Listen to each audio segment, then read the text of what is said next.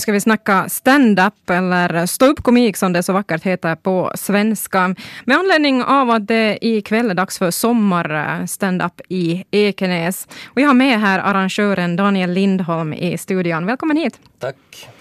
Eh, du har samlat ihop ett uh, rätt så stort gäng här med ståuppkomiker. Från Sverige har vi Hasse Brontén, Nisse Hallberg, Carl Stanley, Fredrik Andersson och ja, vi kan väl kalla honom svensken i, finlandssvensken i exil, Janne Grönros hemma från Ekenäs som då uppträder på den här scenen som är på restaurang BossaNova alltså ikväll. Och jag tänkte Daniel att vi skulle prata lite om det här eh, när det gäller kvinnor och män då, med tanke på att det är ganska manstarkt ikväll på den här standup-kvällen. Eh, det diskuterades ju mycket i sommar och festivalerna i Finland fick hemskt mycket kritik för att de har inte mycket kvinnor på scenen. Alltså de kvinnliga artisterna och banden så såg man inte lika mycket av som de manliga. Uh, eh, hur är det då inom ståuppkomik? Uh, hur kommer det sig att du har bara män på scenen, i alla fall enligt affischen ikväll? Ja, alltså det är väldigt uh, Alltså som du också sa vad gäller musikbranschen så är stand-up det, det, är helt samma sak. Alltså det finns väldigt, väldigt uh, få kvinnor som alltså sysslar med stand-up. Att det är inte alls jämnt fördelat överhuvudtaget. En försvinnande liten del äh, av alla komiker, både i Finland och Sverige, säkert i alla andra länder också, som äh, håller på med stand-up. Nå, vi är på väg åt, åt äh, ett bättre håll, men som arrangör så skulle jag vilja säga så här, alltså givetvis så tar jag ju åt mig all kritik och feedback vad gäller det här att det är bara män på affischen. Men det är också väldigt, väldigt svårt att få Eh, kvinnor bokade, för det är också, de är, de är få till antalet och är du ens lite också duktig och har ett namn så du är, du är, du är jätte, jättebokad. Du kan välja precis när och var du vill jobba. Och vissa komiker väljer att inte alls ens komma till Finland. Det, de tycker att de, de, man behöver inte, det behövs inte, de har tillräckligt mycket jobb i Sverige.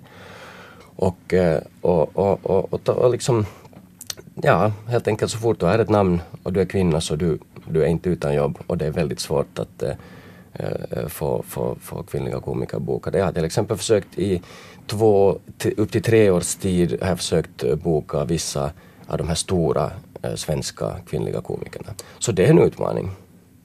Du sa här att, att det finns så få komiker i Svenskfinland. Hur många är de ens? Kan du ge något antal? Ja, väldigt få, de ryms nog på en hand. I Svenskfinland alltså. Men, men i Sverige betydligt mycket mera visst, men att, att procentuellt så nog ganska samma. Inte har vi många finlandssvenska komiker i Finland. Janne, Ander Wikström, Anders Selenius, men så många utöver det så finns det nog inte som så aktivt håller på med stand-up. Och det är också att Ander Wikströms uppdrag till 90 procent går på finska. Så du, det finns ju, den är ju väldigt, väldigt liten, alltså stand-up-scenen på, på, på svenska i Finland. Om inte svenskarna kommer och bidrar lite.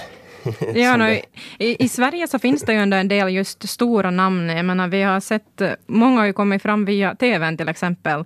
Nour El Rifai, Babben Larsson. Vi har Annika Lantz som också gjort karriär inom radio. Petra Medeso vid Melodifestivalen. Sissela Kyle från tv-serien Parlamentet och så här. Eh, och det finns ju andra också mindre namn eh, som drar stand-up. Eh, nu har du dragit fyra svenskar ikväll till kvällens stand-up i Ekenäs. hur svårt är det att, att ragga hit de här kvinnorna från Sverige som kanske inte är så jättestora namn? Eller säljer de här?